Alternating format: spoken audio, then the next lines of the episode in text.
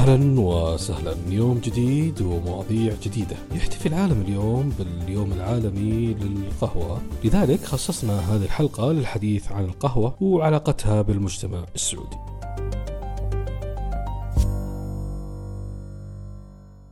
في الأول من أكتوبر من كل عام يحتفل العالم باليوم العالمي للقهوة.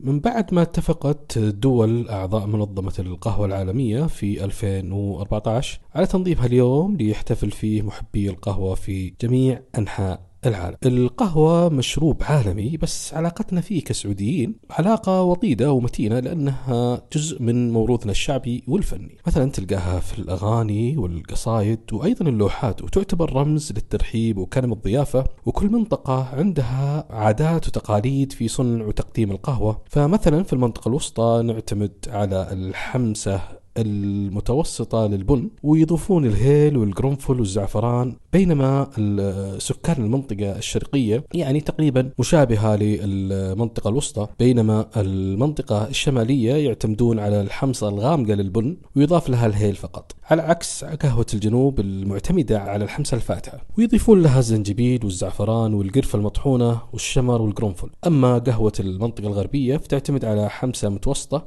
مع إضافة الهيل والزعفران والمستكة وتقريبا كل بيت في السعودية يحضر القهوة حسب المنطقة اللي يرجع لها. وحنا يعني معروفين بكثرة شرب القهوة وهذا يتناسب مع تعدد فوائدها فهي تحتوي على فيتامينات ومعادن وتعمل على تحسين وظائف المخ وركزوا على المخ لأنها تؤثر في اليقظة. والنشاط والذاكرة. أيضا الإسراف في تناولها يؤدي إلى عدة أضرار مثل الهلوسة وقلة الخصوبة وشربها بكثرة في فصل الصيف ممكن يصيب الجسم بالجفاف. لكن اليوم أظن بيكون شرب القهوة أكثر من المعتاد بمناسبة يومها العالمي خصوصا مع تنافس المقاهي والكافيهات في تقديم العروض المختلفة ما بين القهوة المجانية والقهوة اللي بريال واللي بخمسة ريال وغيرها من العروض اللي تصدرت منصة إكس من البارح.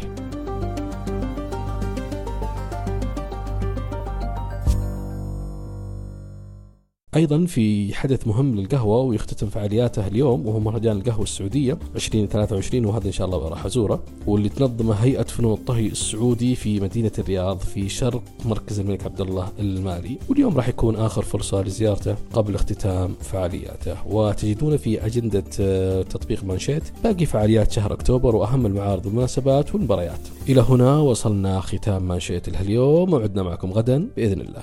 مع السلامة.